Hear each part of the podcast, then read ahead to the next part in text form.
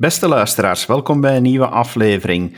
Mijn gast vandaag is uh, niemand minder dan de voorzitter van Open VLD, meneer Egbert Lachaert. Welkom in onze podcast. Goedemiddag. Meneer Lachaert, u hebt onlangs een reactie gegeven om duidelijk te stellen wat het liberalisme volgens u is. Dat is een reactie eigenlijk geweest op het boek Reset van Mark Elgardus. Ja, laat ik maar meteen starten met de vraag: waar staat liberalisme voor volgens u? Mm Wel, eerst en vooral, ik vond het een bijzonder boeiend werk, hè, het, het boek van uh, Mark Elgardus. Het is een hele turf. Uh, ik ben er aan het doorlezen. Ik heb nog niet alle hoofdstukken in detail gelezen, maar toch al grote delen. Uh, ook zijn interviews gezien. En ehm, zijn werk is, is prikkelend in die zin dat het een open aanval is op het, op het liberalisme. Um, die volgens hem een aantal nadelen heeft berokkend in de samenleving sinds de Tweede Wereldoorlog. En uh, natuurlijk als liberaal uh, heeft mij dat natuurlijk getriggerd om daar een antwoord op, uh, op te schrijven. Um, dus uw vraag was eigenlijk, ja, wat is het liberalisme vandaag? Ja, liberalisme gaat natuurlijk in eerste instantie over de term vrijheid, de vrijheidsideologie. Um, dat is breed. Dat gaat, men associeert dat vaak met economische vrijheid, de vrijheid om te gaan werken en ondernemen dat zit er onmiskenbaar in, maar het is natuurlijk nog meer dan dat. Het de vrijheid om als mens te, u te ontplooien zoals dat je wil, maar er zit ook een verantwoordelijkheid in om te zorgen voor diegene die in onvrijheid geboren wordt, uh, diegene die ziek geboren wordt of in, in een ziektetoestand komt, iemand die ouder wordt. Daar zit ook een zorgplicht in. Hè? Dus daar zitten liberalen in hun vrijheidsgedachte toch altijd met een balans van de vrijheid om zelf te doen en te laten wat ze willen, maar toch ook te zorgen voor de anderen die ook toch een beperkte of een bepaalde vrijheid ook moet, moet hebben. Um, twee, waar gaat liberalisme over voor mij vandaag? Uh, is toch ook uh, vooruitgangsoptimisme. Het, uh, ik denk dat het echt een beetje inherent is aan liberalen. Um, wij besturen al lang in het land en ik weet, er zal ongetwijfeld gezegd worden dat in die twintig jaar dat er van alles niet goed gelopen is, maar liberalen zijn altijd optimistisch over de toekomst en geloven dat ze de zaken vandaag in handen kunnen nemen en morgen een betere samenleving kunnen maken, um, terwijl toch veel andere ideologieën altijd wat teruggrijpen naar het verleden. En dat lees ik eigenlijk ook wel een beetje terug in het werk van Elgardus. Heel veel ideologieën die tegenover het liberalisme staan, denken dat de samenleving van vroeger beter was. Dus je hebt die ideologieën conservatief die, die zeggen, ja kijk, vroeger was eigenlijk de samenleving kleiner, homogener, uh, zelfde normen en waarden. Eigenlijk was het toen eenvoudiger en was het eigenlijk beter. Um, socialistische ideologieën die je dan vaak hoort revolteren tegen de vrije markt. Dat staat ook heel duidelijk in het boek van, van Elgardus, die zich uh, eigenlijk afzet tegen de globale vrije markt, het kapitalisme, en, en zegt dat dat eigenlijk uitwassen gegeven heeft die, uh, die niet wenselijk zijn en de samenleving van vroeger met een kleinere markt, met kleinere landen, eigenlijk beter was. Um, dus er zijn heel veel ideologieën die daar op dat vlak tegenover het liberalisme uh, staan. Dus die vrijheid en die vooruitgangsgedachte, dat zit heel diep in ons. En het werk wat El Elgardus geschreven heeft, zet zich eigenlijk een manifest af daartegen. Um, ik heb daar net al die macht, die vrije macht genoemd en dat kapitalisme. Wat heel duidelijk in zijn werk zit, is wat hij zegt, kijk, uh, na de Tweede Wereldoorlog is, men binnen Europa bijvoorbeeld beginnen samenwerken rond een vrije markt. Um, hij schetst dat eigenlijk vandaag als iets, iets negatief. Uh, terwijl uh, mondiale samenwerking en Europese samenwerking rond een vrije markt is erin geslaagd om een enorme welvaart uh, te creëren voor, voor iedereen in Europa. Uiteindelijk een continent waar eeuwenlang allerlei landen en mogendheden elkaar uh, te wapen bevochten hebben. Je nu economische samenwerking en een welvaart die we eigenlijk nooit gezien hebben op dit continent. En globaal, uh, hij verzet zich tegen wereldhandel zoals we die kennen, maar globaal zijn we de laatste twee decennia erin geslaagd extreme armoede in de wereld te halveren. Enkel het Afrikaans continent blijft daar heel ver achter, maar daar heb je heel weinig vrije markt, uh, heel veel tribalisme. Dus op zich vind ik um, zijn vijand verkeerd gekozen. Hij doet echt een open aanval naar het, het, liberale model. Ja, en daar moest ik natuurlijk als, als liberaal op reageren. Maar ik apprecieer wel het boek wat hij schrijft, want er worden niet zo, uh, zo vaak dit soort boeken geschreven die toch weer een ideologische clash in het leven roepen. En dat is wel heel interessant aan het werk. Ja, inderdaad. Het is een boek dat uh, heel veel reacties oproept. Nu, wat ik mij afvraag, is of dat de, de, de tegenstand die Elgar dus in zijn boek naar het liberalisme richt, of dat het niet meer eigenlijk op het economische liberalisme gericht is, dan echt op ja, het liberalisme als totale filosofische stroming. Want uiteindelijk de, de belangen van, van het individu, ja, dat is meer dan het economische alleen toch, neem ik aan, in het liberalisme. Ja, nee, klopt zeker, maar het gaat natuurlijk uitgebreid uh, over het economische, uh, wat Elgar dus uh, schrijft en, en waar hij eigenlijk zegt, ja, de, de, de mensen zijn eigenlijk de controle kwijt over het, over het systeem. Um, maar ik, ik denk dat hij daar toch, toch iets te ver doorgaat in, in zijn kritiek. Um, alsof er zo een soort uh, mondiale elite bestaat die, die, die in staat is om in ieder land zomaar te dicteren wat er gebeurt. Omdat als we nu bijvoorbeeld in, in ons land kijken, of in onze regio, Vlaanderen, um, je kan toch moeilijk zeggen in, in ons land dat we hier doorgeslagen zijn in een soort neoliberalisme, wat hij noemt. Uh, we zitten altijd met een overheidsbeslag van boven de 50 procent. Um, dat, dat blijft ook altijd maar stabiel. Wij verwachten heel veel van de overheid. De overheid neemt heel veel taken bij ons op. Dus om nu te zeggen alsof wij in, in ons land zouden uh, doorgeslagen zijn in een dergelijk model, geloof ik niet. Um, maar naast de economische kritiek gaat hij toch wel verder. Hij gaat uh, toch ook door op de liberale democratie. Um, die hij eigenlijk wil vervangen door een soort communautaire uh, democratie. En, en daar is de these die hij eigenlijk stelt, uh, ja, het liberalisme of de liberale democratie um, heeft eigenlijk de, de volkssoevereiniteit, de stem van het volk, een stuk uitgehold, omdat uh, er onvervreembare rechten bestaan van ieder mens, uh, mensenrechten bijvoorbeeld, of grondrechten die in de grondwet staan, uh, waar eigenlijk niet aan te tornen valt en die door rechters beoordeeld worden. En, en dus daar zegt hij dan over, ja, als dan een meerderheid bijvoorbeeld in een parlement na een verkiezing zou willen beslissen iets te doen, maar dat gaat in tegen grondrechten van sommige mensen, die, die verankerd zijn in een verdrag of in een grondwet, ja, dan zit je vast en wordt eigenlijk die, die soevereiniteit van het volk beknot. Um, op zich denk ik dat hij een punt van kritiek juist heeft, dat vandaag onze democratie te ingewikkeld geworden is. En dat het juist is dat gaan stemmen voor veel mensen vandaag een beetje het gevoel geeft van, ja, wat levert het op op het einde van de rit? Dus daarop kan ik hem deels wel volgen dat we de democratie moeten verbeteren. Dat klopt, ons systeem is ook heel ingewikkeld, maar daar bestaan antwoorden op binnen de democratie. Je kunt spreken over meerderheidssystemen, je kunt spreken over kleinere kieskringen, je kunt daar nog andere antwoorden op geven. Zijn antwoord vind ik het verkeerde en een gevaarlijk antwoord, omdat hij eigenlijk zegt, ja, grondrechten mogen niet meer meespelen. Dat vind ik heel gevaarlijk, want Um, stel nu dat een, een meerderheid in een parlement zou beslissen dat een bepaalde politieke partij niet wenselijk is. Dat is niet denkbeeldig, dat kan perfect uh, bestaan. Gaan we dan toelaten dat um, een meerderheid uh, de volkssoevereiniteit kan beslissen met 50% plus 1, dat die stem niet in het parlement mag vertegenwoordigd zijn, of, of niet meer mag deelnemen aan verkiezingen? Dat lijkt mij heel gevaarlijk. Uh, homoseksualiteit in heel wat landen niet aanvaard, uh, stel dat je dan zou zeggen dat er bij ons ook zo'n stroming is, dat die een meerderheid heeft, gaan we dan aanvaarden dat zo mensen opgesloten worden of, of vermoord worden? Um, dus er zijn toch altijd grondrechten um, die volgens mij onvervreemdbaar zijn en boven alles moeten staan en waar je niet zomaar met een meerderheid kan aan tornen. En dat lees ik wel in zijn boek, dat hij eigenlijk toch wel die weg opgaat. En dat vind ik toch wel bijzonder gevaarlijk. mogelijk uh, doet hij het om te provoceren.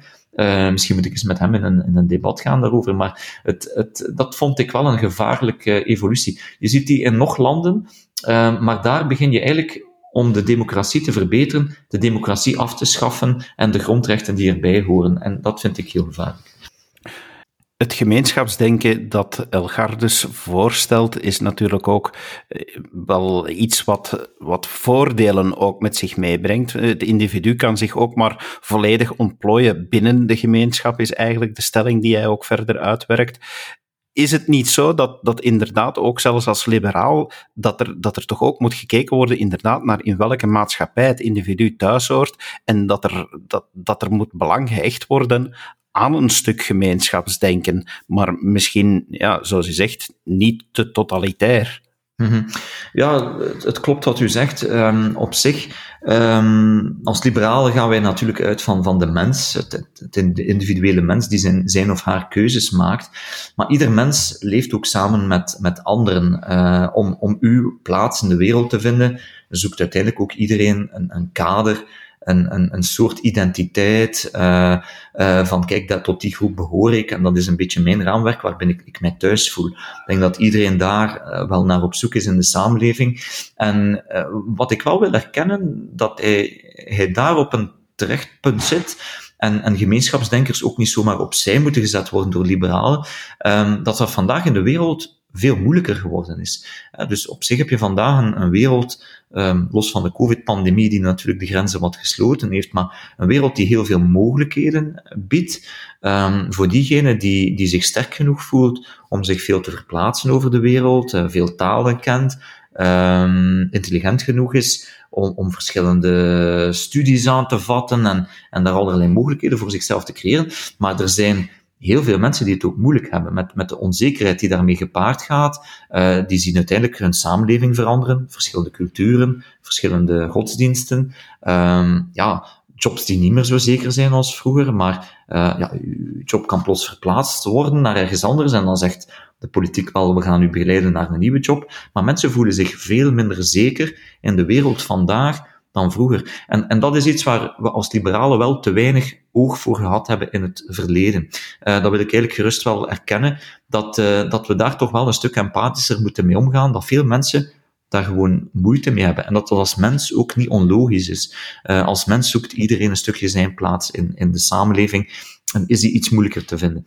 Maar volgens mij is niet de oplossing wat Elgar dus voorstelt, waarbij dat je dan, ja, eh, een soort uh, soevereiniteit van de meerderheid gaat inbouwen, um, die eigenlijk met de minderheid kan doen wat zij of hij wil, dat, dat lijkt mij heel gevaarlijk. Um, mij lijkt het eerder dat we in de moderne samenleving van vandaag op zoek moeten gaan naar een aantal zaken misschien moet onze grondwet daar eens voor herdefiniëren, een aantal eh, stelregels in onze samenleving die we samen delen.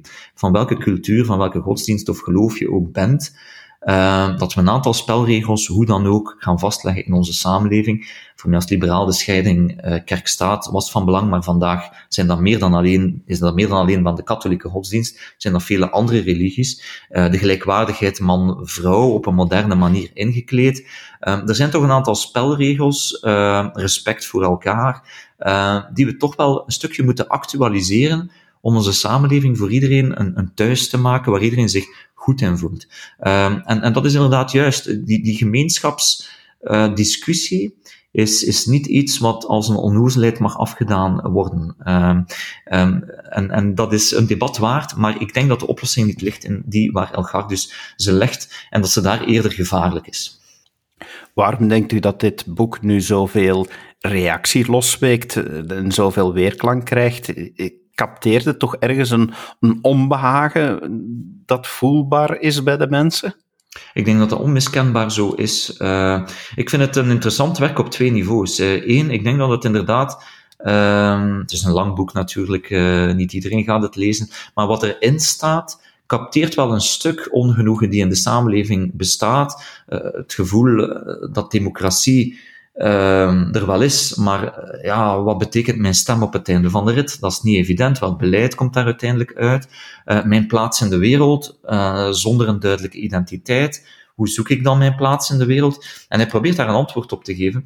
Um, maar intellectueel daagt hij natuurlijk vooral de liberalen uit, omdat het een open aanval is op, op het liberaal, de liberale vrije markt, op het kapitalisme. Het is een aanval op de liberale democratie. Het is een aanval een stuk op de rechtsstaat, want uh, daar is ook een heel open aanval op, op ja, rechters die te veel impact hebben op het, uh, op het beleid, de rol van een grondwettelijk hof in ons land. Um, maar ik denk dat hij dat ook niet helemaal juist ziet. Uh, hij denkt dat dat een soort kapitalistische agenda is, uh, lees ik in zijn boek. Allee, dat denk ik echt niet dat bij rechters het, het geval is. Uh, zijn uiteindelijk ook ambtenaren die gewoon recht spreken. Maar um, het, het, het boek triggert enorm, omdat het de gevestigde orde van een aantal zaken die wel als consensus worden gezien, challenged.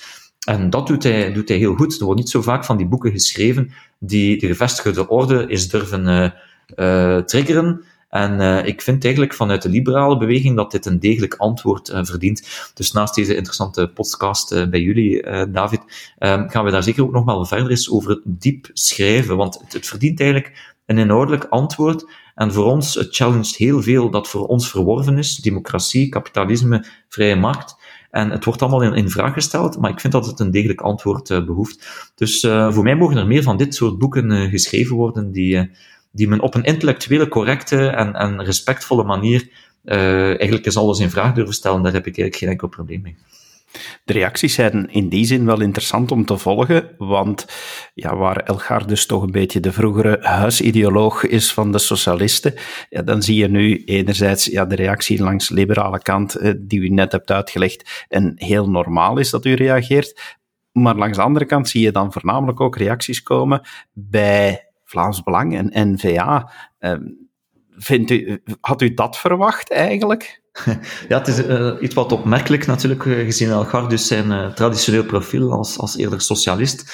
Um, maar inderdaad, het, het, werk wat hij schrijft sluit wel perfect aan bij de gemeenschapsgedachte die diep in de ideologie bij, bij NVA en Vlaams Belang zit. Um, wat, als je Bart de Wever, die, die spreekt luidop over een conservatieve volks gemeenschap, alleen een conservatieve gemeenschapspartij die hij wil maken. Ja, eigenlijk wat Elgar dus schrijft, daar zit een stukje die ideologie uh, ook in. Dus het is niet opmerk opmerkelijk dat, dat, uh, dat bijvoorbeeld Bart de Wever positief reageert op zo'n werk. Um, ook bij Vlaams Belang, ja, denk ik dat het niet onlogisch is dat daar positief gereageerd wordt, omdat uh, Elgar dus terug wil naar een soort, ja, meer gemeenschapsgedachte, met een soort samenleving die samengebonden is rond uh, bepaalde unieke normen en waarden, waar iedereen rond, uh, rond samengebracht wordt. Um, ja, dat is een ander maatschappijmodel dan het liberaal maatschappijmodel, dat uitgaat van de mens zelf, die zelf keuzes uh, maakt. Maar niet onlogisch, dat zijn twee communautaire partijen, eigenlijk van in essentie, die, die ja, Vlaams nationaal zijn. En bij hen is het dan vooral rond, rond de Vlaams nationale gemeenschap, rond welke zij, zij hun gedachtegoed gebouwd hebben. Maar het is opmerkelijk dat inderdaad een, een socialist of een voormalige socialist, ik weet het niet, we moeten het hem eens vragen, hier op die manier een, een, een brug legt tussen het communautaire gedachtegoed dat vooral bij NVA Vlaams Belang zat, en een brug legt ook wel een stuk naar zeer klassiek socialisme, hè, het verzet tegen de vrije markt, kapitalisme. Uh, maar bon, dat, uh, eigenlijk als ik de ideologie van het Vlaams Belang bekijk, uh, met Tom van Grieken heb ik soms zeer interessante debatten, maar uh, Tom moet ook erkennen dat zijn partij sociaal-economisch eigenlijk eerder een linkse partij is. En dat combineert met een gemeenschapsdenken. Dus hij zegt soms vaak, rechts heeft de verkiezingen gewonnen. Ja, sociaal-economisch is Vlaams Belang eigenlijk geen, geen rechtse partij. Dus eigenlijk sociaal-economisch eerder links en een gemeenschapsdenken. Dus niet onlogisch dat iemand als Algardus dan in die periferie eindigt. Zij het natuurlijk wel op een intellectueel onderbouwde manier. Het is inderdaad een heel interessante discussie en ik ben heel blij dat u eh, zo kan, kan zeggen van oké, hier moet toch inderdaad verder over nagedacht worden. Ik wil u heel hartelijk danken dat u vandaag toch even de tijd hebt genomen om al in grote lijnen te wijzen op eh, een aantal zaken eh, die volgens u in het liberalisme duidelijk ook in de verf mogen gezet worden. Dank u wel daarvoor. Graag gedaan en uh, nog een uh, interessante, uh, het was een interessante podcast en tot een volgende keer. Dank u wel en u ook, beste luisteraar. Dank u wel dat u geluisterd hebt en graag tot een volgende keer. Dag.